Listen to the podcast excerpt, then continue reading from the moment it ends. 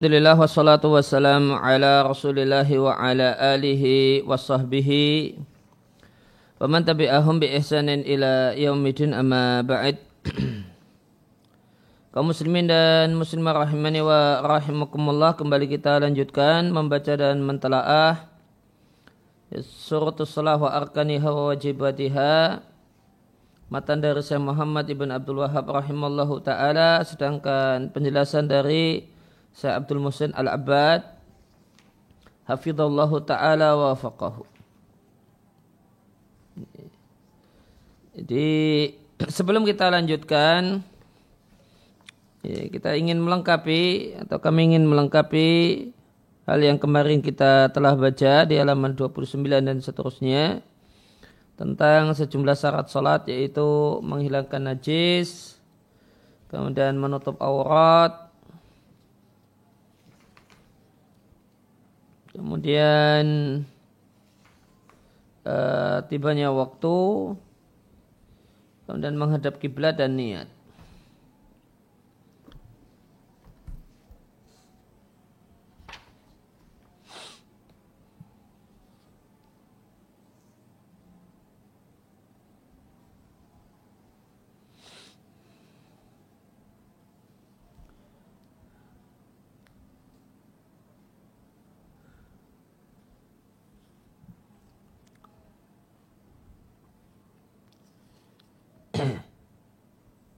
Berkenaan dengan menutup aurat kemarin di sarah kita di pertemuan yang lewat di bagian sarah kita baca bahasanya ijma ya, terdapat ijma kalau sholat sambil telanjang dalam keadaan mampu itu batal. Di Munyatu Sajid dibawakan teks nukilan ijma' yang disampaikan oleh Ibnu Abdul Bar. Beliau mengatakan ajma'u ala fasadi salati man taraka thawbahu wa waqadirun alal istitari bihi wa shalla uryanan. Mereka para ulama sepakat batalnya batalnya salat orang yang meninggalkan pakaiannya padahal dia mampu menutupi diri dengannya kemudian sholat dalam keadaan telanjang.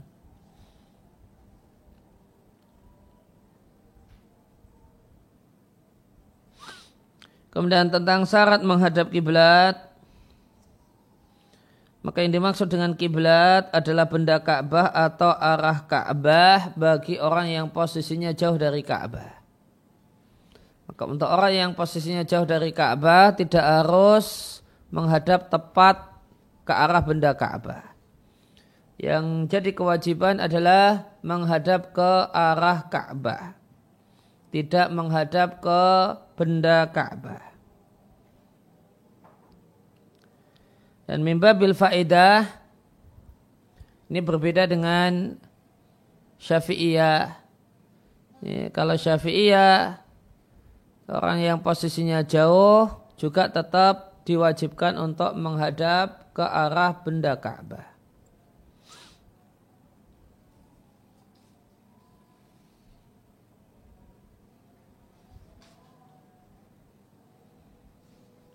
Kemudian orang yang lebih detail di Munyatus Sajid berkenaan dengan masalah niat.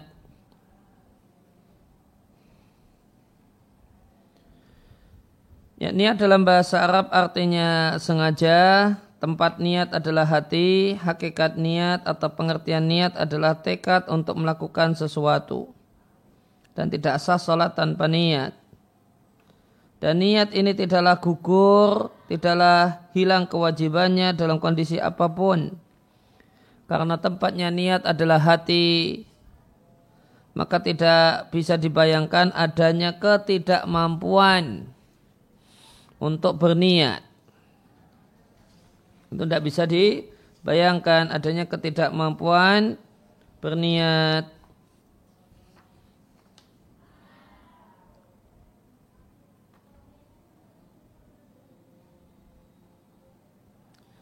Dan Syarat niat itu ada tiga. Yang sah berniat. Ya, itu ada tiga. Yang pertama muslim. Karena niatnya orang kafir tidak dianggap niat. Nah, ibadah tidaklah sah dari orang kafir. Yang kedua adalah berakal bukan gila.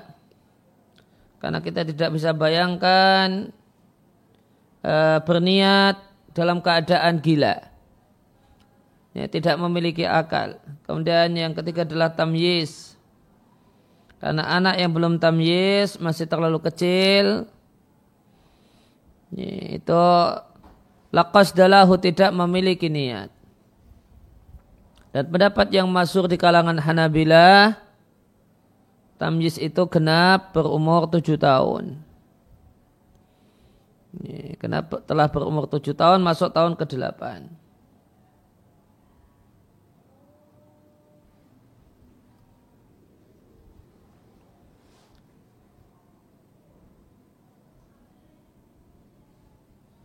Kemudian tentang waktu niat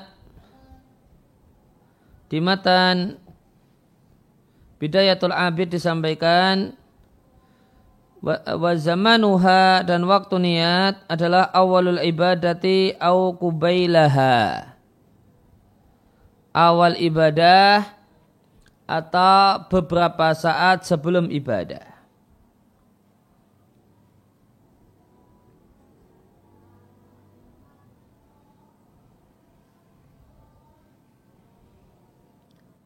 Di menyatu saja di sarannya disampaikan hendaknya niat itu diletakkan di awal ibadah.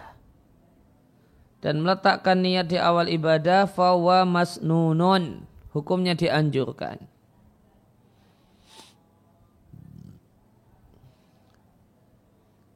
Realnya ayat dia bitakbiri ilis salati akban niyati.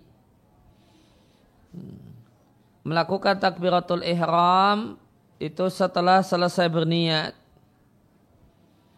supaya niat itu bergandengan dengan ibadah.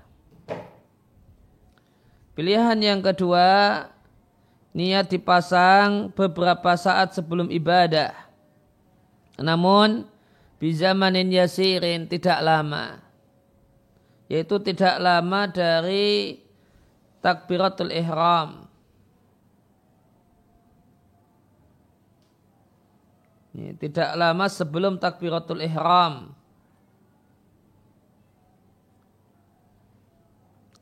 Fatasihu maka ini sah ingkana fil waktu jika masih dalam waktu ibadah. Karena niat itu lebih dulu daripada waktu, daripada takbiratul ihram.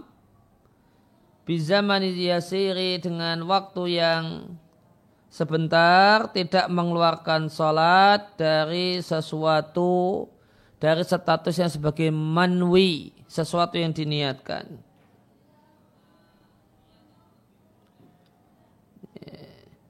Alasan yang lain kenapa boleh li'an nafi' tibaril muqaranati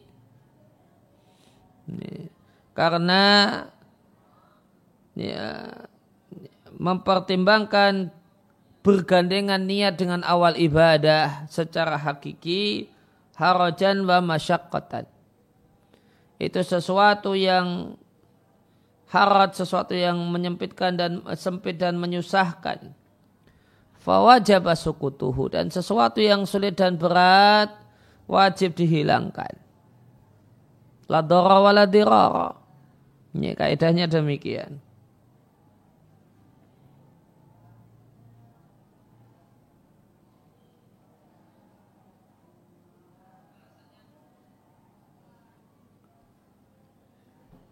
Nah,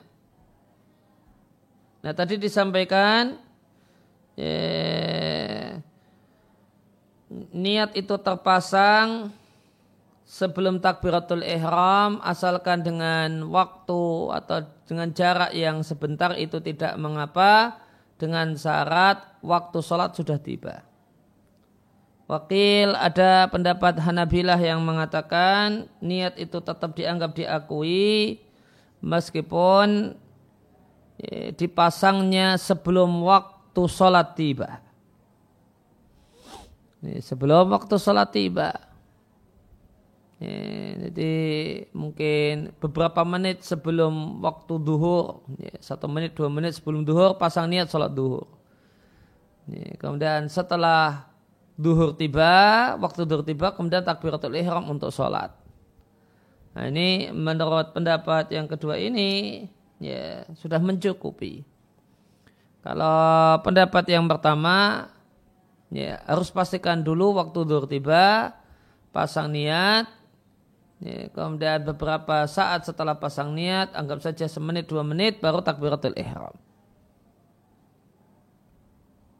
Maka ada yang membolehkan letak niat itu sebelum waktu karena niat adalah syarat. Ini dalam madhab Hanabilah niat itu syarat. Syafi'iyah niat itu rukun. Wa syartu yajuzu taqdimuha alal waqti dan yang namanya syarat boleh dilakukan sebelum waktunya tiba seperti wudhu untuk sholat duhur boleh dilakukan sebelum sholat duhur tiba.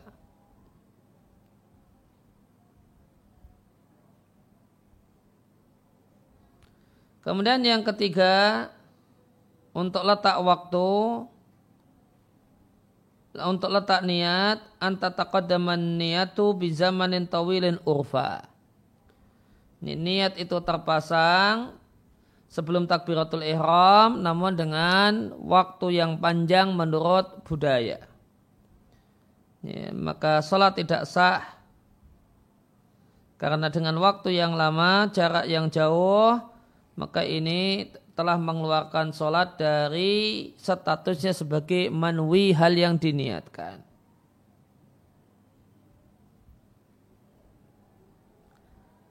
Namun ada salah satu wajah ini pendapat ulama Hanabilah ya, yang dicocoki oleh Syekhul Islam Taimiyah beliau mengatakan diperbolehkan meskipun dengan jarak yang lama selama belum niat tersebut belum dibatalkan. Alasannya dikiaskan dengan puasa. Karena Niat puasa itu sah sejak tibanya malam, tenggelamnya matahari. Padahal awal puasa masih jauh, jauh masih lama, yaitu terbit fajar di hari esoknya, ya, di hari berikutnya.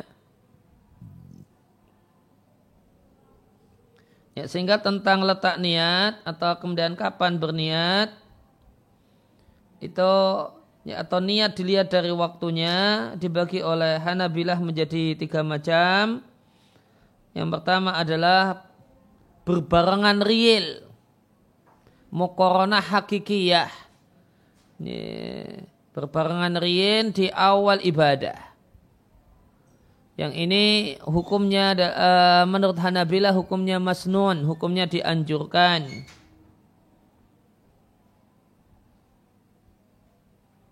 Ya, kemudian yang kedua, ya, niat dipasang beberapa saat sebelum ibadah dalam hal ini beberapa saat sebelum takbiratul ihram bisa manin yasirin dengan waktu yang ya, jarak yang sebentar saja.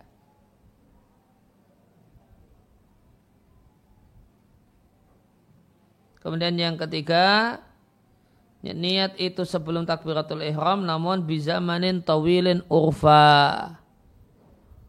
Ya, dengan waktu yang jeda yang lama. Ini resminya madhab Hanabilah tidak sah. Namun kalau Syekhul Islam Taimiyah rahimallahu taala menilai itu sah dengan dalil qiyas dengan niat salat.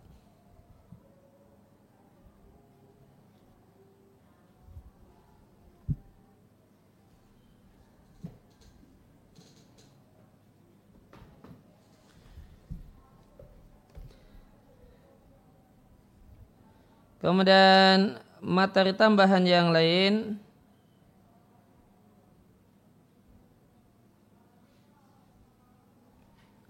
atau faedah tambahan yang lain ingin saya bacakan dari Bulughul Qasid. Ya, masih sarah Bidayatul Abid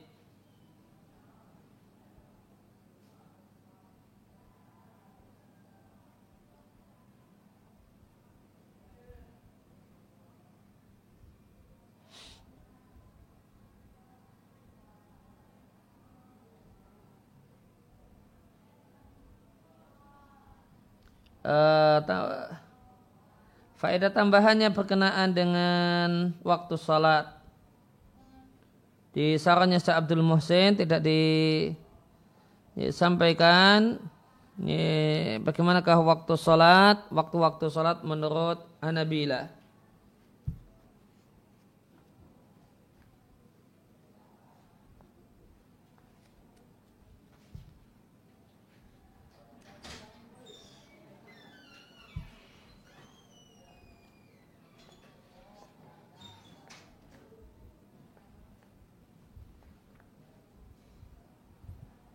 Cuma membawakan hadis uh, Jibril mengimami Nabi Shallallahu Alaihi Wasallam selama dua hari. Kemudian uh, dibawakan hadis Abdullah bin Amr. Ya, waktu duhur itu matahari geser ke barat. Ya, sampai bayang-bayang uh, dan bayang-bayang seorang itu seperti oh, panja, uh, tinggi orangnya selama belum tiba waktu asar kemudian waktu asar. Ya, ya, setelah bayang-bayang benda sama dengan tinggi badannya sampai menguningnya matahari.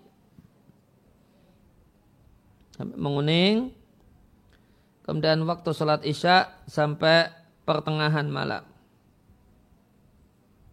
Ya, maka Waktunya sampai matahari menguning untuk asar itu.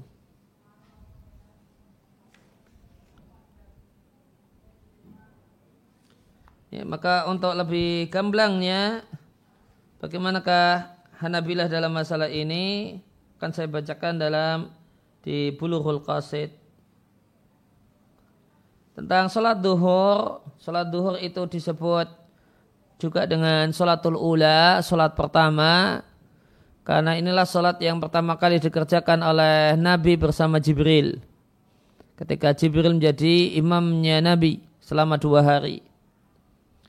Disebut juga dengan sholat al-hajir. Waktunya adalah sejak matahari geser ke barat sampai bayang-bayang benda itu sama dengan benda, eh, eh, dengan bendanya tanpa memperhitungkan diluz zawal bayang-bayang zawal. Jadi bayang-bayang zawal tidak dihitung. Bayang-bayang zawal itu adalah bayang-bayang yang masih tersisa ketika posisi matahari di tengah-tengah.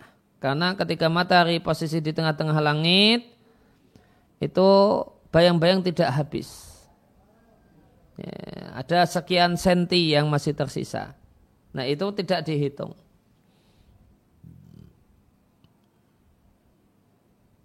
Jadi misalnya ini ada, ada tongkat satu meter, ya, bayang-bayang zawal anggap saja tersisa 5 cm,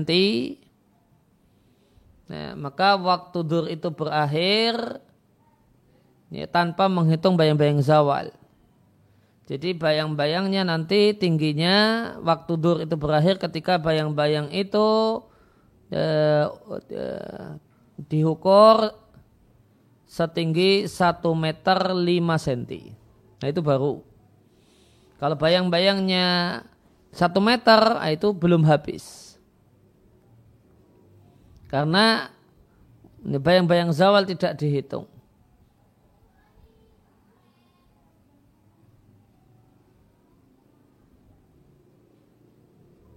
Dan yang afdal menurut Hanabilah adalah sholat duhur di awal waktunya ilam harin kecuali kondisi panas, cuaca panas. Kemudian setelah itu asar wayal wusta ala sahihi dan salat asar adalah salat wusta menurut pendapat yang paling kuat. Ini perlu diketahui salat wusta menurut al-imam syafi'i itu salat subuh. Ya. Sedangkan waktu asar ya, dari berakhirnya waktu duhur sampai bayang-bayang benda dua kali bendanya tanpa menghitung ya, zawal. Ya, ketika bayang-bayang benda itu dua kali bendanya inilah akhir waktu al-mukhtar.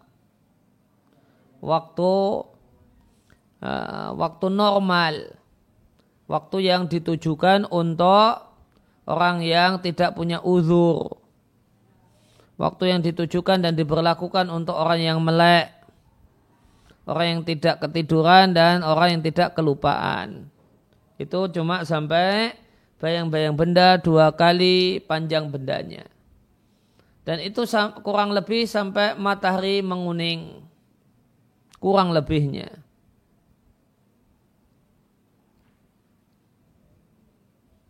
Kemudian setelah mata bayang-bayang benda dua kali panjang bendanya, itu waktu itu adalah waktu darurat. Hanya untuk orang-orang yang punya uzur, semacam ketiduran, kelupaan, Ya. Maka ada waktu darurat sampai tenggelamnya matahari. Kemudian tentang yang afdal, yang afdal dalam kondisi apa pun mengerjakan salat asar di awal waktunya. Kemudian yang ketiga adalah uh, maghrib yang nama lainnya adalah witrun nahar, witirnya siang. Nah, waktunya juga ada dua. Waktu ikhtiar, waktu untuk kondisi normal. Yaitu tenggelamnya matahari atau bulatan matahari sampai munculnya bintang. Kemudian waktu makro. Setelah matahari, setelah bintang itu muncul sampai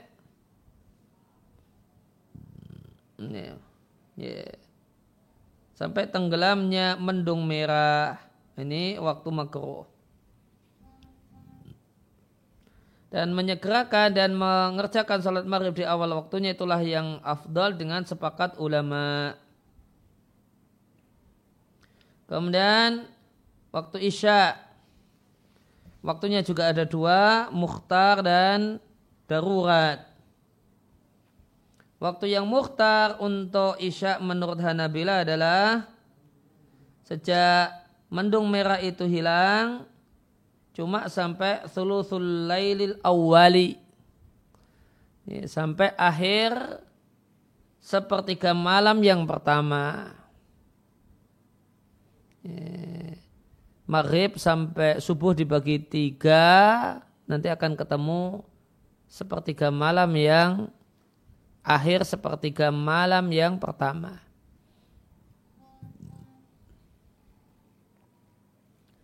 Kalau sekarang misalnya jam 6 sampai jam 4. Berarti 7, 8, 9, 10, 11, 12, 1, 2, 3, 4. Ada 10 jam.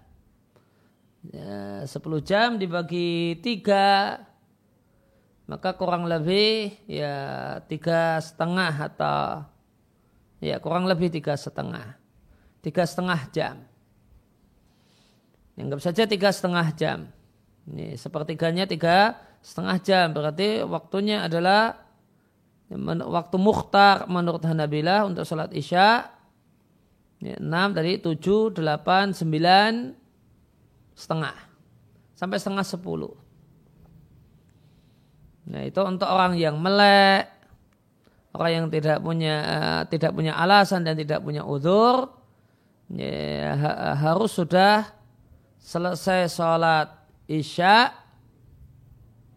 ya, pada jam kurang lebih 21.30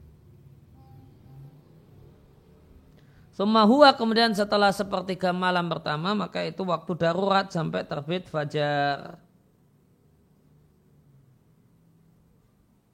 Kemudian waktu subuh sampai tenggelamnya dari terbit fajar sampai ya, munculnya matahari dan menyegerakan sholat subuh di awal waktunya baik di musim panas ataupun dingin itu yang lebih afdal.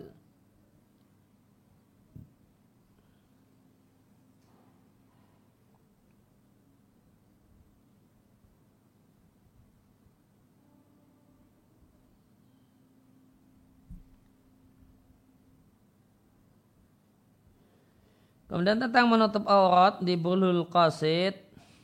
Ini aurat itu di sini pengertiannya adalah yang wajib ditutupi dalam sholat dengan penutup yang tidak uh, menggambarkan warna kulit putih, hitam dan yang lainnya. Nah, aurat laki-laki yang sejak berumur segenap 10 tahun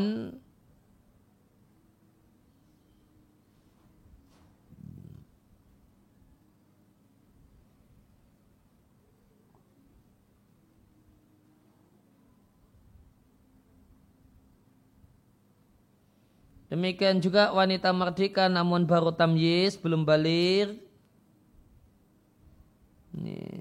Demikian juga budak perempuan, nah itu sama antara pusar sampai lutut.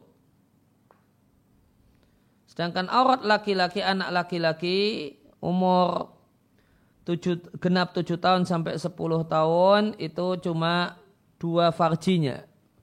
Jalan depan dan jalan belakang.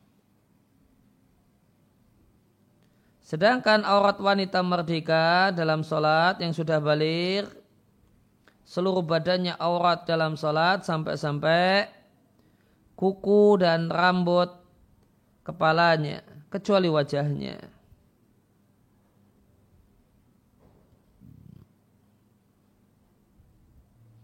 Namun kalau Al-Majid Ibn Taimiyah yang juga ulama besar Hanabilah yang dikecualikan itu sebagaimana Imam Syafi'i yaitu wajah dan dua telapak tangan. Pada di bulughul qasid ditegaskan wal wajh wal kafani auratun kharijat salati. Wajah dan dua telapak tangan itu aurat wanita merdeka di luar salat yang harus ditutupi bi'tibarin nazar namun ini aurat pandangan status wajah dan dua telapak tangan kabakiyati badaniha seperti anggota badan yang lain. Maka aurat itu ada dua macam ya. Ada aurat salat dan ada aurat pandangan lelaki ajnabi. Ya, aurat untuk perempuan itu ada dua itu. Kalau Hanabilah maka di sini disampaikan kalau aurat salat ya semuanya tertutup kecuali wajah. Semuanya tertutup termasuk rambut kepala dan kuku, kuku tangan dan kaki, kecuali wajah. Tapi Al-Majid Ibn kecuali wajah dan dua telapak tangan. Tapi kalau di luar sholat, aurat wanita merdeka adalah ya, seluruhnya aurat.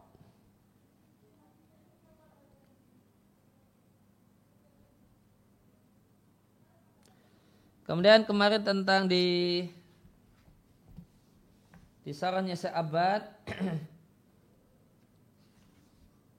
berkenaan dengan menutup aurat untuk laki-laki ada tambahan eh, tambahan aturan yaitu menutupi pundak.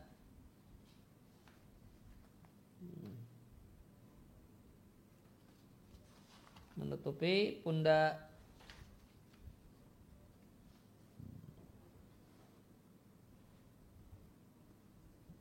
Ya, namun tidak ada penegasan hukumnya di sarannya seabad, cuma terdapat hadis menunjukkan bahasanya lelaki yang sholat di samping menutup aurat menutup pundaknya ketika sholat.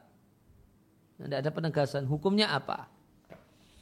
Ya, hukumnya apa tidak ditegaskan. Cuma ada hadis yang memerintahkan agar laki-laki menutupi pundak ya, selain menutupi aurat menutupi pundak dalam sholat di halaman 33. Namun penegasan hukumnya tidak disampaikan. Ya, di sini ya, Hanabilah di Bulughul Qasid disampaikan wasurita fi fardi rajulil balighi menjadi syarat. Jadi syarat menjadi wajib berarti. Fi fardi rajuli untuk salat fardu bagi seorang laki-laki yang sudah balik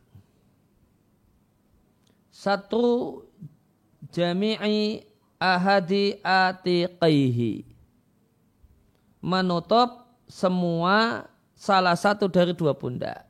Jadi e, menutup pundaknya betul-betul menutup. Menutupnya betul-betul menutup.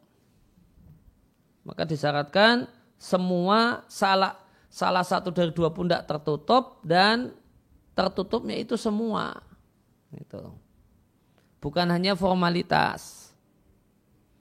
Ini perlu diketahui ini, kalau di Syafi'iyah menutup pundak itu dianjurkan.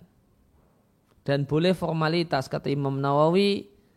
Ini, seandainya kemudian ada benang ditaruh di pundak sudah mencukupi. Ini, sudah sudah melaksanakan anjuran. Cukup benang ditaruh di pundak. Nih, kalau di sini kalau di di sini ya, di Hanabilah ya uh, satu jami'i ahadi atiqaihi. Menutup semua. Semua semua pundak ini pundak ini ditutup semua. Tidak hanya formalitas saja. Di samping menutup auratnya. Pilih bahasa dengan pakaian. Nah, kalau di sini sampaikan untuk pakaian laki-laki pilih bahasa dengan pakaian eh maka tadi ditutup dengan pakaian untuk pundak itu ditutup dengan pakaian meskipun pakaian tersebut itu menggambarkan warna kulit.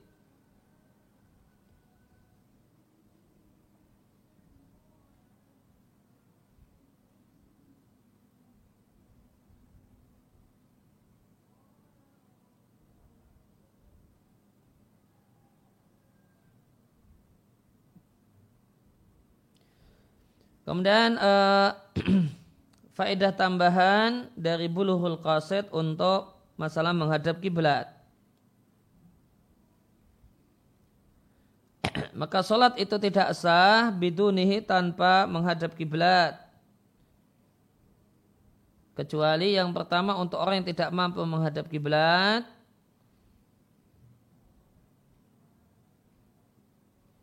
Ya, kemudian orang yang mutanafilin mengerjakan sholat sunnah dalam keadaan dia naik kendaraan atau jalan kaki dalam safar yang mubah meskipun safar pendek. Hmm, maka safar itu dibagi menjadi dua oleh para ulama fikih. Ya, Hanabilah uh, menganut pembagian ini, Syafi'iyah juga ada safar pendek, ada safar jauh. Safar jauh itu yang membolehkan kosor. Safar pendek itu sudah keluar dari negerinya, namun belum sampai jarak kosor. Nah, maka di sini tadi disampaikan kalau uh, safarnya safar pendek dan itu safar mubah, boleh sholat sambil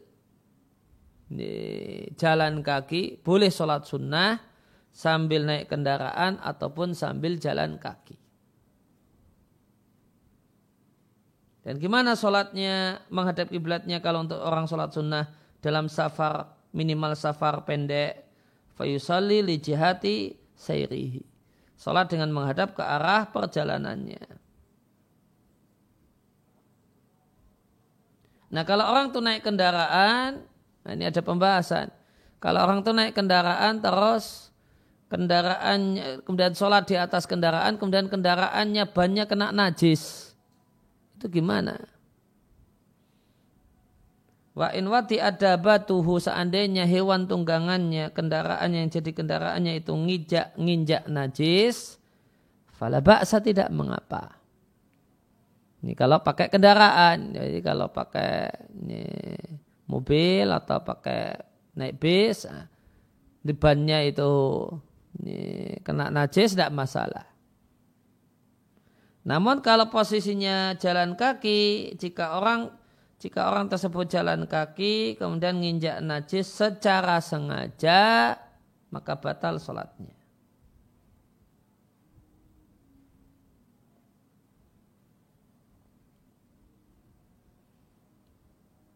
Kemudian tentang menghadap kiblat, kewajiban orang yang di dekat Ka'bah atau di dalam Masjidil Haram adalah menghadap benda Ka'bah dengan seluruh badannya. Artinya tidak ada satupun dari badannya yang keluar dari benda Ka'bah. Namun kewajiban orang yang jauh dari Ka'bah atau dari masjid Ka'bah itulah orang yang tidak mampu melihat dengan mata kepala demikian juga uh, alaman yukhbiruhu an ilmin. Tidak tidak ada orang yang mengkabarinya berdasarkan ilmu maka kewajibannya adalah isobatu jihatiha bil istihadi.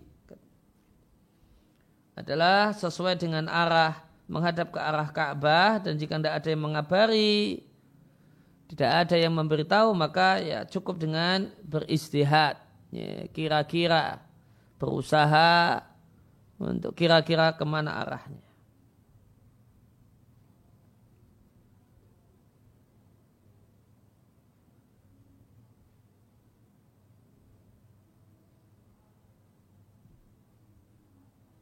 Itu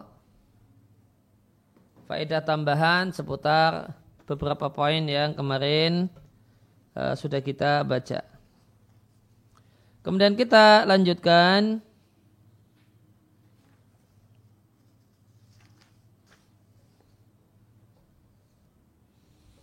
di halaman 43 tentang arkanus salati. Qala al-musannif rahimallahu taala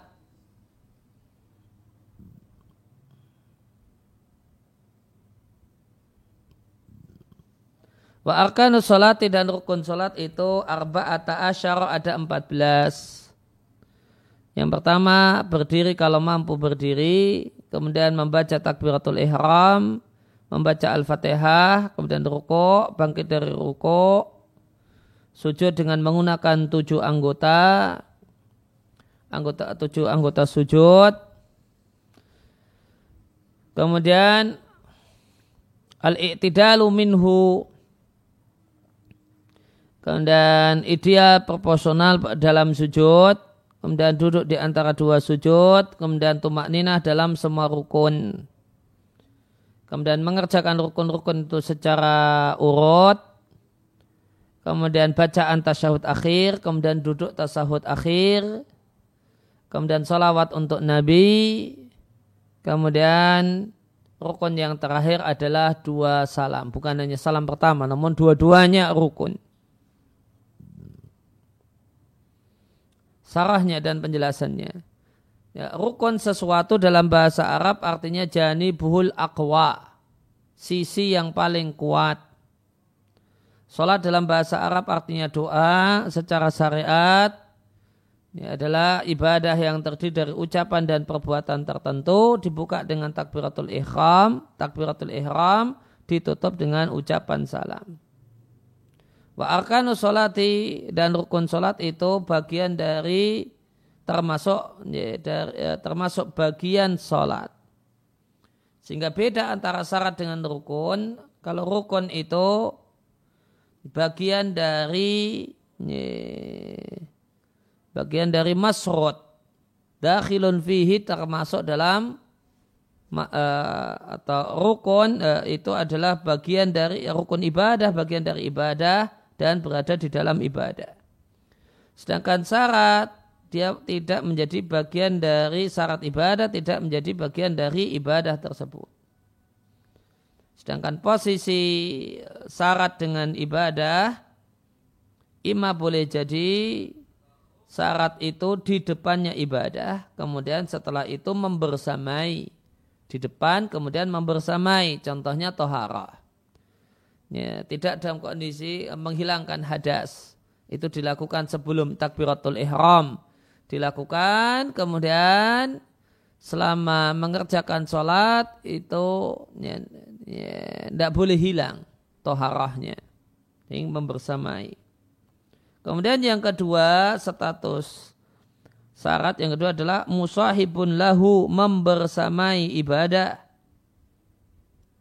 Ya, tidak tidak sejak apa mendahului namun ya cuma e, membersamai. Contohnya kondisi atau status menghadap kiblat. Halaman 44 rukun uh, rukun salat yang pertama adalah al qiyamu ma'al kudrati berdiri jika mampu. Dalilnya adalah firman Allah Ta'ala, Hafidhu ala salawati. Ya, jaga baik-baik lima solat, ya, solat lima waktu, wa solat til wusta, terutama solat al wusta. Nah, apa itu solat wusta diperselisihkan ulama. Ini tadi kita baca di Bulughul Qasid. Ini salat wusta yang benar eh, yang benar salat wusta adalah salatul salatul asri. Dan eh, insya Allah itu yang lebih tepat dan perlu diketahui kalau menurut Al Imam Musyafi'i eh, salat wusta itu salat subuh. Wakumu dan berdirilah kalian. Nah, ini yang jadi mahalu syahid Berdirilah kalian lillahi karena untuk Allah qanitin dalam keadaan diam. Diperintahkan untuk diam. Kemudian wajib dalam sholat fardu, seorang itu mengerjakan sholat sambil berdiri. Tidak karena qadiran alal qiyami wajib berdiri jika mampu berdiri. Perhatikan dan jamkan baik-baik kalimat selanjutnya. Siapa yang memilih sholat sambil duduk, yaitu sholat fardu. Sambil duduk padahal mampu berdiri, sholatnya tidak sah. Ini problem banyak orang di tempat kita. Ini. Di antara problemnya pertama orang sakit. Sebagian kita jumpai di sebagian masjid ada orang yang sakit, dia datang ke masjid jalan. Ini kalau bisa jalan kan berarti bisa berdiri. Namun setelah sampai masuk masjid, mulai sholat, nah, dia sholatnya sambil duduk. Ini, padahal bisa jalan. Ini, padahal bisa jalan. Namun sholatnya sambil duduk. Ini Sholat yang sebagaimana tadi baru saja kita baca, sholat yang tidak sah.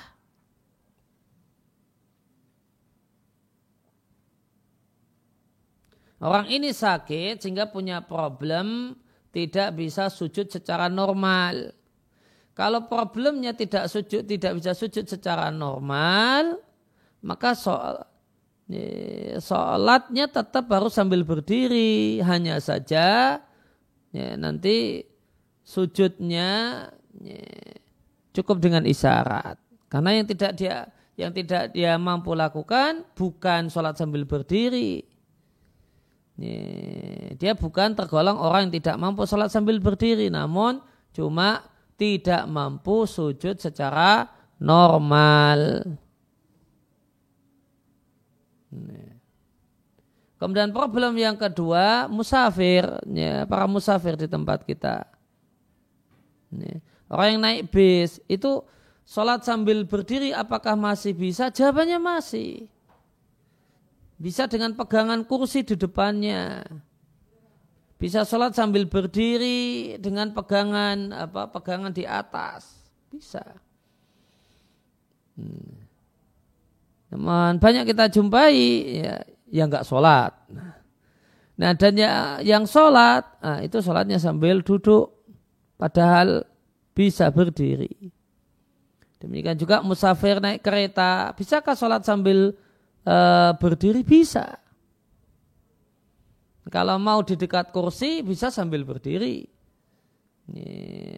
Sandaran uh, kaca atau atau pegangan depannya ini ya, masih memungkinkan jika tidak berhadapan-hadapan, ini pegangan kursi depan bisa. Ya, jika punya keberanian, jika ya, dan ini sebenarnya wajib ya, uh, atau kemudian uh, bisa menyingkirkan rasa malu, agak cuek dikit gitu di bagian belakang itu bisa sholat. Ada space kosong sebelum pintu itu bisa dipakai untuk sholat. Ini agak nekat dikit, kemudian antar gerbong itu juga bisa dipakai sholat sambil berdiri. Berdiri di sini, pegangan ini nggak apa-apa. Ini pegangan tangannya ditempelkan ke ini ke satu sisi gerbong, misalnya sambil demikian, nah, tidak mengapa, tapi masih berdiri. Demikian juga orang yang sholat di pesawat, ini, sholatnya langsung sambil duduk, ini tidak sah sholatnya ini. Nah, apakah bisa sholat di pesawat sambil berdiri? Bisa. Pegangan kursi depannya. Maka bisa takbiratul ihram posisi berdiri, ya, rukuk posisi berdiri, nah itu. Nah, masih bisa sambil berdiri. Ya, cuma nanti problemnya rukuk bisa, iktidal bisa. Nah, cuma eh, problemnya problem sujud saja. Nah, maka kalau punya nggak mampu sujud normal, ya yang nggak normal itu ya, sujudnya, bukan kemudian sholatnya ditinggalkan, sholat eh, kewajiban sholat sambil berdiri ditinggalkan. Maka perhatikan garis bawahi ya, camkan waman sholla jalisan ma'a kudratihi alaihi lam tasihha sholatuhu.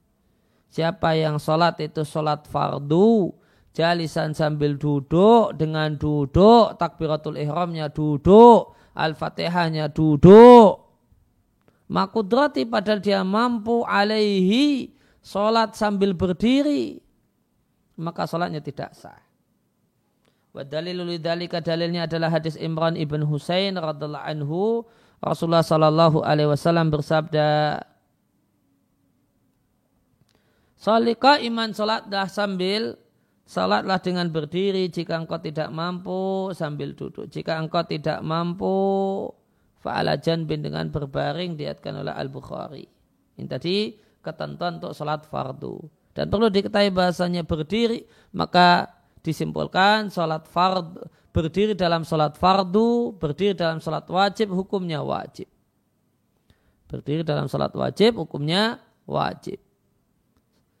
Sedangkan berdiri dalam sholat sunnah, hukumnya sunnah.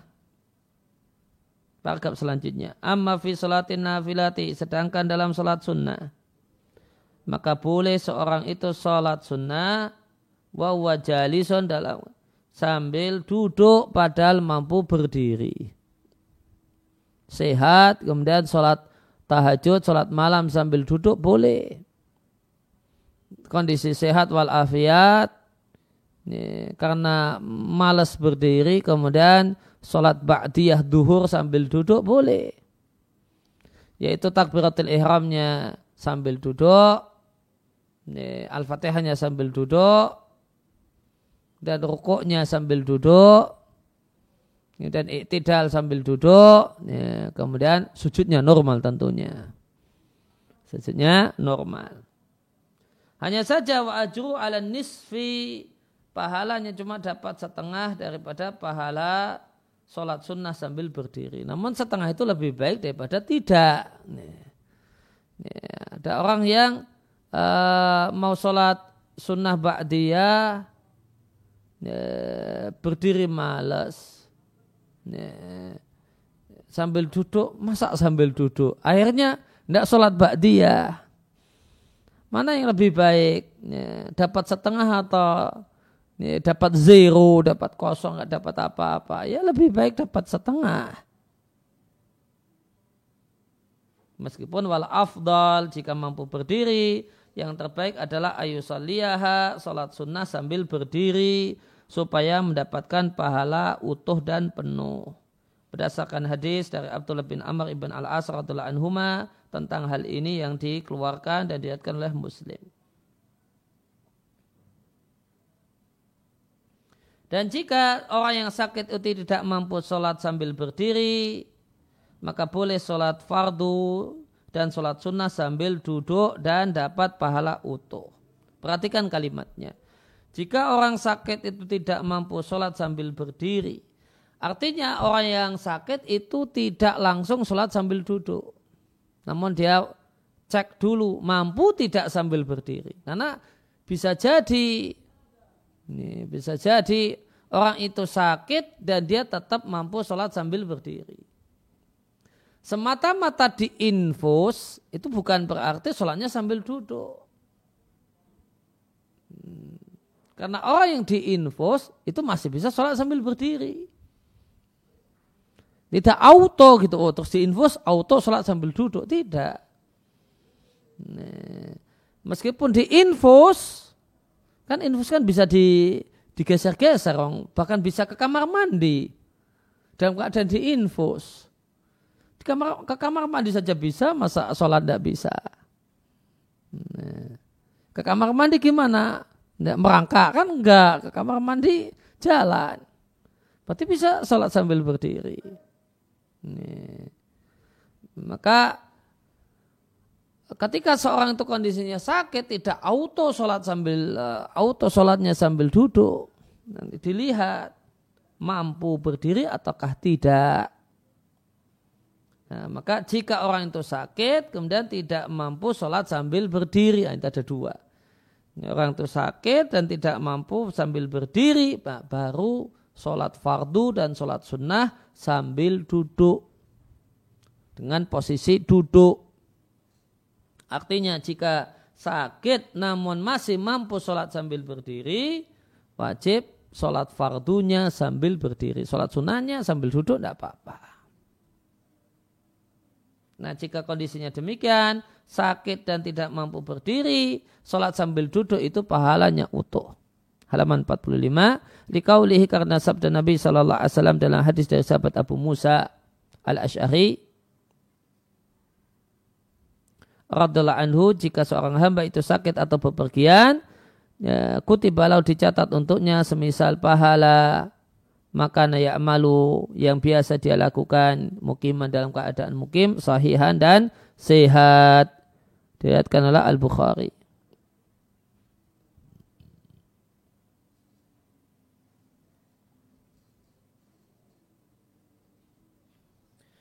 Kemudian rukun yang kedua adalah takbiratul ihram. Dalilnya adalah hadis tahrimuha yang mengharamkan yang jadi faktor pengharam dalam salat adalah takbir dan faktor penghalal salat adalah ucapan salam. Sarahnya atau penjelasannya takbiratul ihram adalah takbir ya, yang pertama dalam salat. Dan yang dimaksud dengan takbiratul ihram itu adalah ucapan Allahu Akbar dan bukan angkat tangannya. Dalam sholat, takbir awal dalam sholat yaitu ucapan Allahu Akbar hukumnya wajib. Sedangkan angkat tangannya, angkat tangan untuk itu hukumnya sunnah. Wahya dan takbiratul ihram itu dalam sholat seperti ihram dalam haji dan umroh. Sama-sama ihram. Karena sama-sama mengharamkan hal-hal yang halal sebelum ini terjadi. Cuma bedanya kalau ihram untuk sholat bentuknya takbir, kalau untuk haji dan umrah bentuknya adalah niat untuk masuk ke dalam rangkaian ibadah haji dan umrah. Niat untuk masuk. Karena niat itu ada dua macam, niat untuk berbuat Kemudian yang kedua niat untuk masuk dalam rangkaian. Kalau niat umroh ya sudah sejak di tanah air sudah niat umroh. Nah itu niat berbuat. Niat masuk itu ada ketentuannya. Harus dijatuhkan di mikot. Nah itu ihramnya itu niat. Kalau sholat ihramnya itu uh, adalah ucapan. Itu ucapan takbir. Nah takbir ini disebut dengan ihram li'annahu yuharimu 'alal musalli idza dakhala fi salatihi bihadi takbirati umurun kanat halalan lahu qabla dalik. Ya, disebut ihram ini karena haram atas orang yang sholat jika dia telah masuk dalam sholat dengan bacaan takbir ini haram baginya umurun sejumlah hal yang dulunya halal baginya qabla dalika sebelum takbir semacam halal baginya makan, minum, ngobrol dan yang lain. Berdasarkan sabda Nabi Shallallahu Alaihi Wasallam, faktor pengharam salat adalah bacaan takbir dan faktor penghalalnya adalah ucapan salam. Dengan ucapan salam, semua yang haram ketika salat itu jadi halal. Hadis yang diatkan oleh At-Tirmidzi dan yang lainnya dari dari Ali. Waqala dan Tirmidzi mengatakan hadal hadisu hadis ini asahu syai'in fi hadal babi asahu syai'in wa ahsanu yang paling sahih dan yang paling bagus dalam bab ini. Ya, demikian yang kita baca kesempatan pagi hari ini. Wassalamualaikum warahmatullahi wabarakatuh. Wa ala alihi wasallam. Wa akhudawana alhamdulillahi rabbil alamin.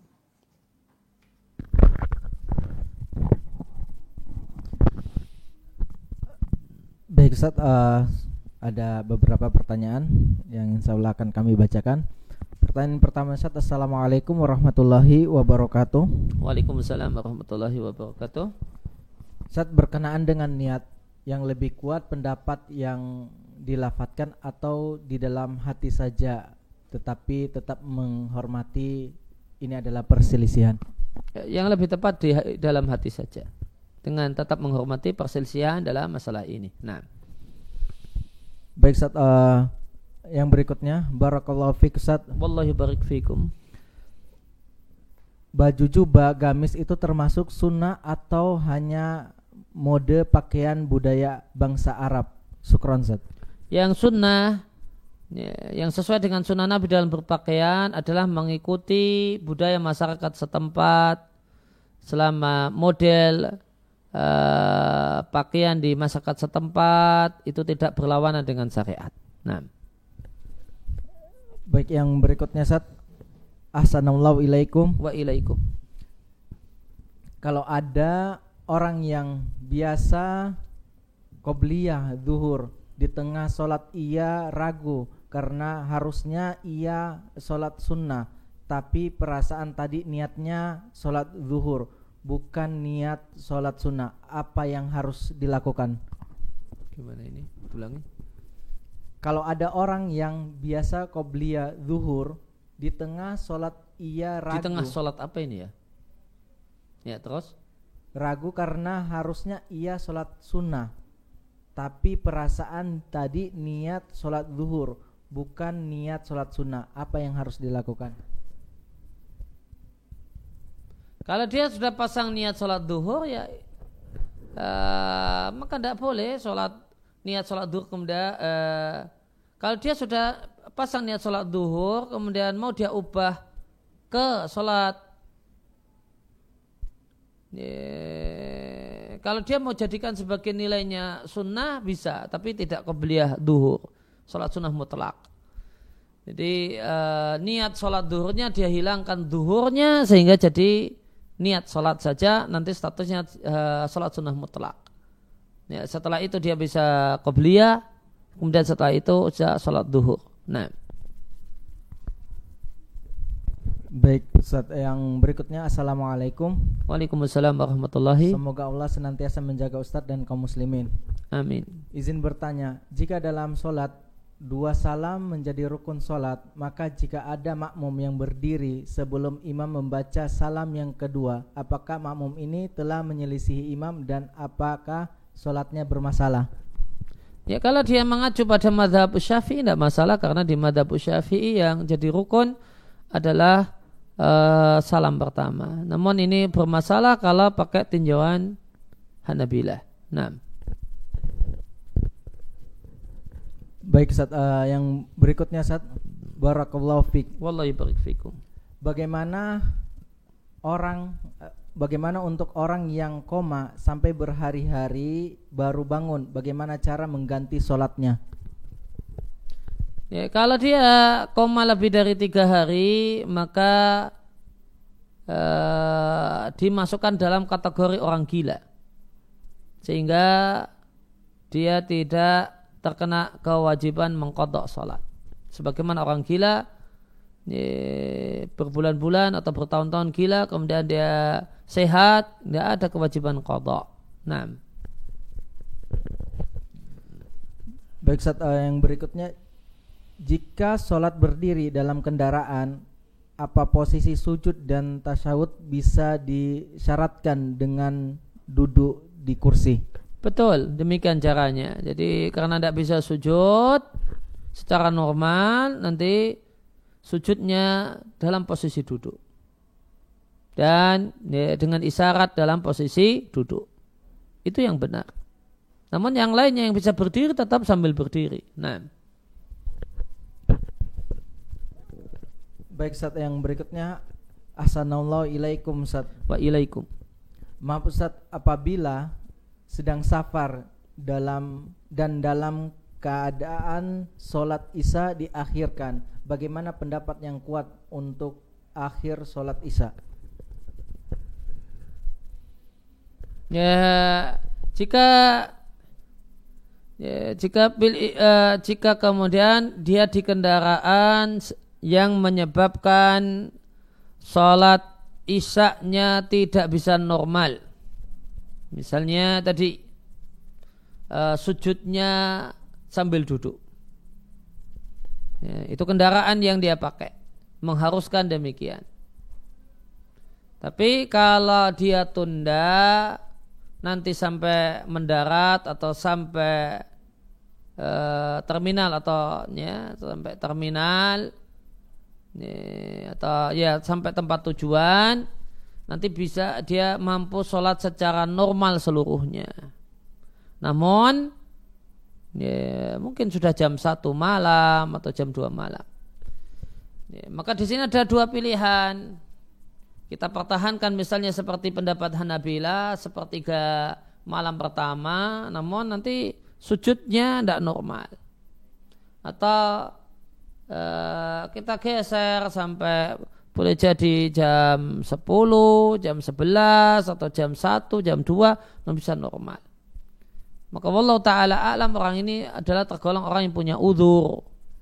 Sehingga yang lebih saya sarankan untuk sholat isak secara normal ya di tempat tujuan ya tempat tujuan tidak harus rumah ya boleh jadi uh, boleh jadi bandara atau yang lain ya, meskipun sholat isaknya jam 1 atau jam 2 malam. Nah. Baik Ustaz uh, yang berikutnya ahsanallahu ilaikum Ustaz. Wa ilaikum. Mau bertanya ada tidak kitab matan fikih madhab hambali terjemah yang masyhur di Indonesia? Uh, Surutus Salah ada terjemahnya. Di mungkin di apa uh, Islam Web eh apa? Islam House ada. Ada di islamhouse.com nah baik yang berikutnya saat Assalamualaikum wa ilaikum saat apa perbedaan kitab fikih muyasar dan kitab al-wajiz? Barakallahu fiik. Ya, jika ini dimaksudkan dengan al-wajiz adalah al-wadim Syekh Abdul Azim Badawi, eh, maka perbedaan pokok eh, kalau fikih muyasar itu bertitik tolak dari madhab hambali. Sedangkan kalau al-wajiz Syekh Abdul Azim Badawi itu bertitik tolak ya, dari fikihnya Syekh Al-Albani. Tidak berangkat dari madhab tertentu. Nah baik saat yang terakhir saat Assalamualaikum. Waalaikumsalam warahmatullahi saat jadi kalau di dalam kendaraan atau di pesawat kita berdiri sholatnya terus kalau sambil duduk gimana kesimpulannya Ustaz? Kesimpulannya tidak sah sholat sambil duduk. Nah, karena masih mampu sambil berdiri atau dengan berdiri. Ya, subhanakallahumma bihamdika asyhadu an la ilaha illa anta astaghfiruka wa atubu ilaik.